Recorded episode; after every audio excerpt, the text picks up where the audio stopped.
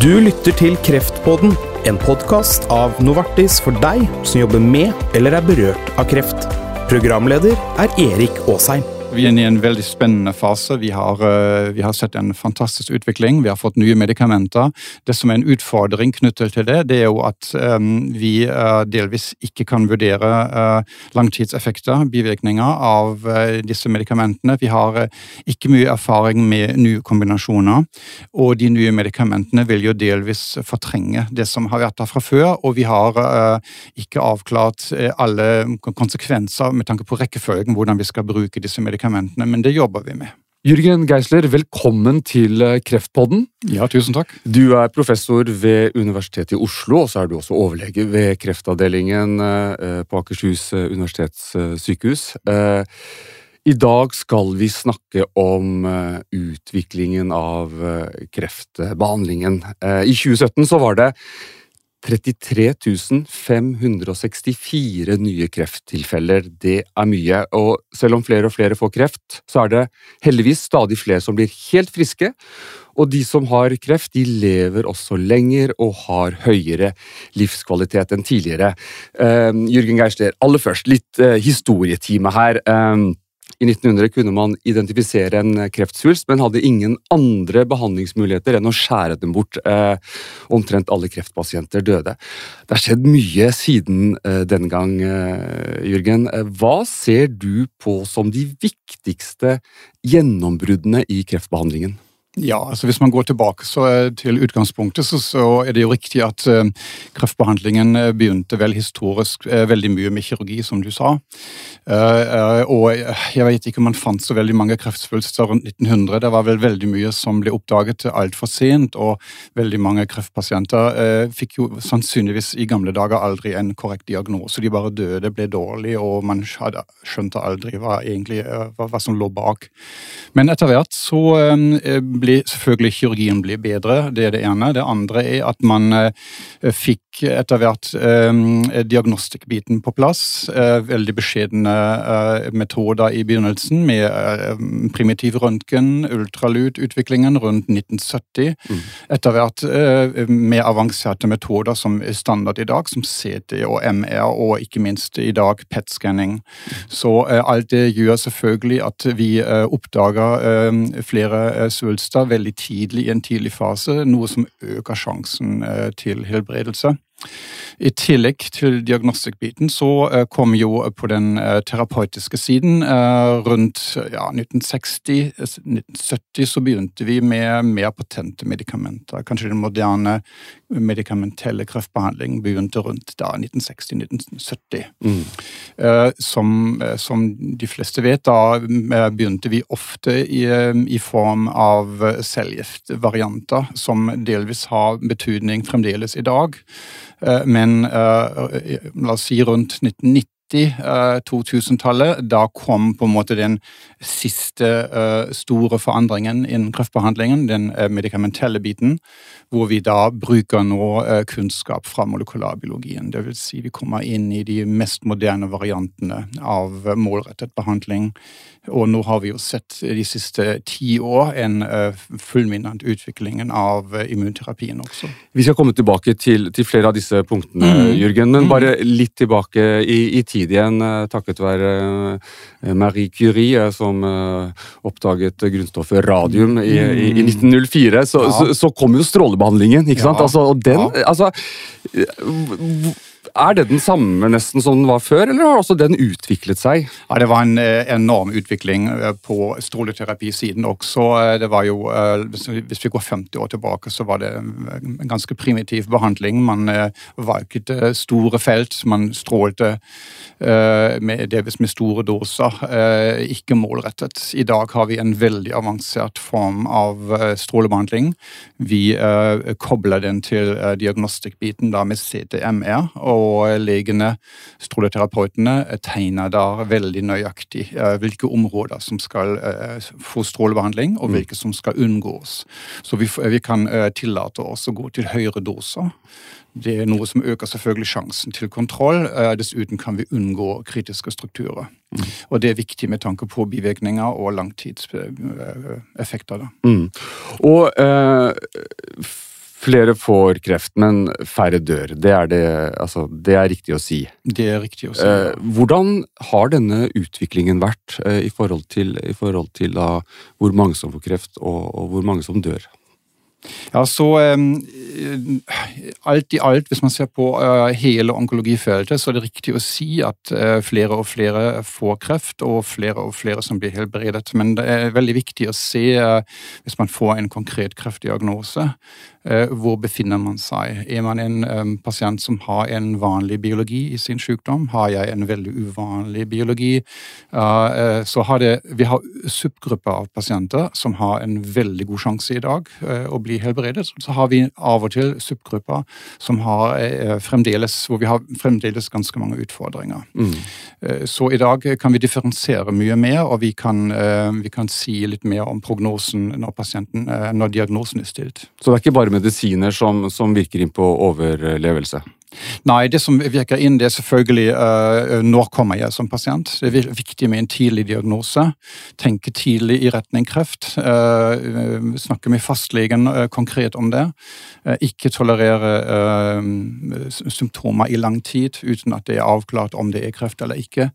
og så komme tidlig i kontakt med spesialister komme inn f.eks. i et pakkeforløp eh, hvis diagnosen er klar, og så eh, raskt til god behandling.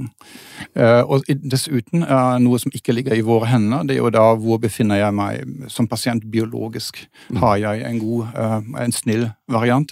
Har jeg en vanlig variant, eller har jeg noen av disse få sjeldne, ekstreme mm, kreftsykdommer hvor jeg har kanskje en dårligere prognose? For eksempel? For eksempel hvis vi ser innenfor eh, brystkreftgruppen, en stor gruppe også i Norge, så har vi de såkalte trippelnegative pasienter, hvor vi ikke har målrettet behandling, eh, og vi har veldig lite å stille opp med. Mm. Fortsatt så er eh, prostatakreft den hyppigste forekommende kreftsykdommen eh, i Norge og utgjør i underkant av 15% av alle krefttilfeller her til lands. Eh, og de andre vanlige er bryst, lunge og tykktarmkreft. Til sammen disse fire typene er nesten halvparten av alle krefttilfeller. Det er tall fra 2017. Ser vi noen endringer her? Nei, uh, disse uh, fire store de har vært der egentlig i lang tid. Uh, og det har ikke vært store endringer. Vi har sett noen mer, mer, sjeldne varianter som blir hvor færre og færre får en diagnose, f.eks. kreft i magesekken. Mm. og så videre. Så da er det færre som får den diagnosen. Men for de aller fleste diagnoser, også for de fire store, så gjelder det at incidensen, altså hyppighetene, øker. Mm. Du har selv jobbet veldig mye med, med føflekkreft uh, over veldig mange år. Uh, og Der har det også vært viktige gjennombrudd. Ja, eh, det har vært enorme gjennombrudd. Eh, og det, de er ekstra store fordi eh, tilbudet var så dårlig. Hvis man bare ser kanskje ti år tilbake i tiden, mm. så var føflekkreft med spredning en ytterst alvorlig diagnose, og de aller fleste pasientene døde i løpet av veldig kort tid. Man hadde nesten ingenting å stille opp med. Så kom det to store gjennombrudd. Det første er at man har funnet målrettet behandling mot en mutasjon, en genetisk uh, forandring i svulstene som 50% av pasientene har, den såkalte BRAF-mutasjonen. Mm. Så man har utviklet målrettet behandling mot den, og det er en veldig effektiv behandling. Um, I dag kombineres det med såkalte MEC-hemmere. Det andre er jo at um, melanomfeltet har egentlig ført til utviklingen av immunterapien. Mm. Fordi uh, melanompasientene, det, det, har man visst i lang tid, er ekstra følsomme for immunreaksjoner. Så man har brukt det som en modell, og de, det største gjennombruddet, at immunterapi ble i det hele tatt etablert klinisk, det kom på føflekkreftsiden. Ja, og de, fikk jo, de som oppdaget det, fikk jo Nobels, Nobelprisen, uh, ja. i, i, i i 2018. Eh, ser du også for deg at, at immunterapi er, er noe vi, vi, altså, som kommer til å bli brukt på flere og flere type krefttyper? Er det, liksom, er det det som er fremtiden? Ja, uh, uten tvil. Uh, hvis, altså, som sagt, føflekkreftfeltet åpnet for immunterapien, men nå er det flere og flere kreftdiagnoser som har glede av uh, immunterapien, bl.a. lungekreft, blærekreft osv. Disse diagnosene kommer nå, og man har allerede begynt å etablere immunterapi som standardterapi på flere kreftvarianter. Også. I tillegg er det jo slik at immunsystemet er, er, er komplisert. Det er finregulert. Uh, det er et mektig system uh, som har eh, enormt potensial.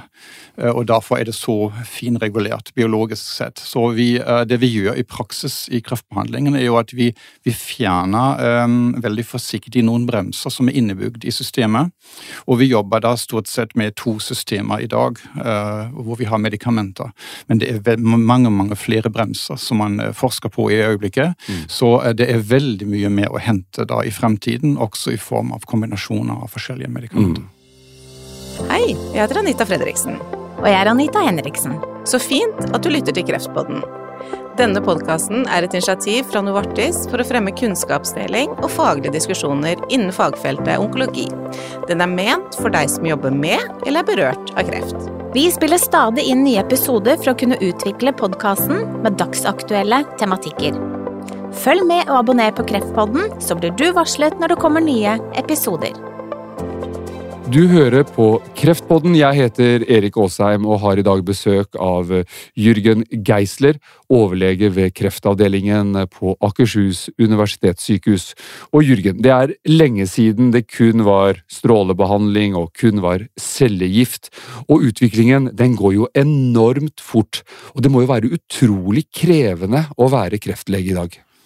Det er veldig hyggelig å være kreftlege også ja. i denne perioden. Hvis jeg husker tilbake, altså 30 år for eksempel, eller 20 år tilbake i tiden, så var det man følte det var i perioder eh, nesten ingen utvikling. Man, eh, man, har forsket og forsket, og man har prøvd å forstå eh, signalveiene i cellene uten at det hadde store konsekvenser klinisk. Men nå vi, kommer vi til et punkt hvor vi kan bruke det. Kan, industrien har klart å lage behandling mot utvalgte proteiner som har en nøkkelrolle i cellene, og nå får alt det da konsekvenser. Så det er egentlig en veldig hyggelig, veldig spennende tid. Men også utfordrende, for man skal jo følge veldig mye med her. da, ikke sant? Det er ikke alltid man har tid til å lese seg opp på når, altså når ting går så fort, tenker jeg. ikke sant? Ja, Det er veldig utfordrende, og det er klart eh, det har ført til en forandring i onkologifeltet. Eh, mens vi hadde eh, såkalte generalister for 10-15 år siden som kunne egentlig behandle alle kreftvarianter. De hadde mye erfaring, det var få medikamenter og få muligheter. Så er det i dag veldig mye man kan gjøre.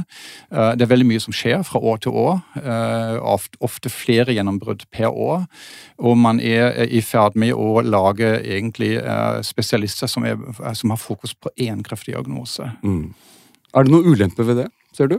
Eller, eller, er det helt nødvendig? Er det sånn det må være? Jeg tror det er faktisk helt nødvendig hvis man ønsker å henge med. Eh, det er selvfølgelig eh, sånn sett uheldig at man som onkolog ikke har full oversikt over alle tumorvarianter eh, til enhver tid, men, men for å være helt i, i toppen og, og virkelig levere det beste som er mulig i dag, så må man være spesialist.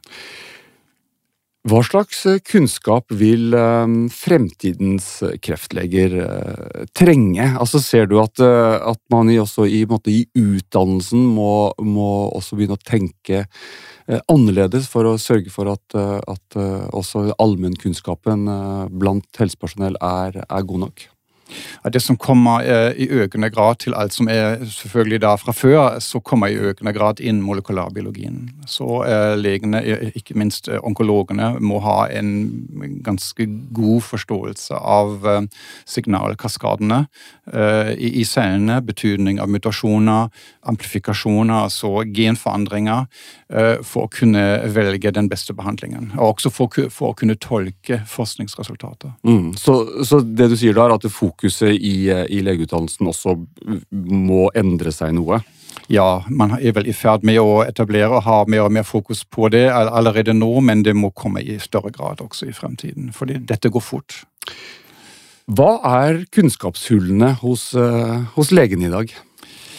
Nei, jeg tror de fleste legene som har eh, en privilegert stilling på et større sykehus som har lov til å jobbe med én eller to tumorgrupper.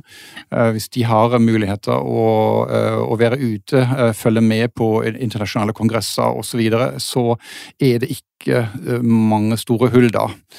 Så miljøene i Norge fungerer veldig, veldig bra, egentlig. Men det er klart det er, det er veldig krevende.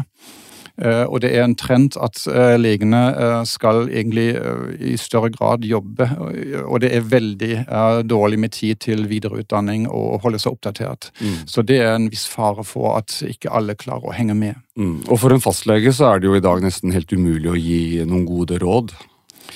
Eh, for en fastlege, eh, en vanlig fastlege eh, som ikke har særlig interesse i en annen kreftvariant, så vil det være nesten umulig å henge med. Det skjer så mye. Det er så mange kreftdiagnoser. La oss si i praksis, hvis man tenker på de, de mest vanlige kreftvarianter, så har vi kanskje 30 kreftdiagnoser som bestemmer 99% av hverdagen. Og med alt som skjer, så er det egentlig som fastlege som har en annen fokus. Sant? Helt annen bredde så er det egentlig nesten umulig å henge med. Mm. La oss uh, til slutt da bare se litt inn i eh, krystallkulen, Jørgen. Eh, hva vil den neste nobelprisen i medisin som dreier seg om kreft være, tror du? Altså Bortsett fra at man eh, har et enormt potensial på de eh, nye prinsippene som man jobber med, altså persontilpasset medisin og immunterapi, hvor det er veldig mye å hente, og kombinasjoner, så tror jeg at noe av det største som eh, er i en viss rekkevidde i øyeblikket, så vil det være genterapi. Og i det ligger? At, at man på en måte for eksempel i familier hvor det er arvelige genforandringer som uh, da fører til en økt kreftrisiko, f.eks. For, for brystkreft med BRCA-mutasjoner, at man da kan uh, gå inn og rette opp i disse um, genskadene, mm. slik at man kan ta uh, den risikoen fra noen familier. Det vil være et enormt gjennombrudd. Det er litt vanskelig i øyeblikket fremdeles, men jeg tipper på at man innen la oss si, de neste ti år vil se eh, større gjennombrudd eh, på den siden også. Reparere skadene før man eh, blir før man syk, altså. Får, ja. får kreft, ja. ja og det, det, er en del etiske problemstillinger knytta til dette, eller, eller syns du det er liksom, Er det fremtiden? Ja, jeg, jeg syns det er etisk vanskelig å la disse pasientene og familiene gå med, med, at man vet at de har en høy risiko, og så bare venter vi på at det smeller. Jeg syns det, det, er etisk vanskeligere enn å gi dem et behandlingstilbud. Tre ting å ta med seg fra denne samtalen. Altså Det første må jo være at eh, den eh, generelle trenden at eh, ja, vi ser at flere pasienter får en kreftdiagnose i dag, men det hyggelige er at sjansen å overleve den diagnosen blir større med hvert år som går. Så det er veldig mange pasienter i dag som blir helbredet. Kommer de tidlig nok, har en vanlig variant av sin kreftsykdom, så har de en god sjanse i dag. Det er det første. Det andre er at vi, har, vi er inne i en tid med store forandringer, nye behandlingsmetoder. De to viktigste variantene er da persontilpasset medisin, hvor vi kan gå inn i signalveiene og, og, slå ut noen proteiner som har betydning i eh, kreftsvulsten. Det andre er da immunterapi, som har eh, det enorme potensialet og kanskje til og med helbrede pasienter med, med fjernspredning. Det er enorme forandringer. Det tredje som jeg syns personlig er utrolig viktig, det er at um, man også i Norge forstår at um, helsetilbudet generelt for kreftpasienter er uh, et av de beste i verden.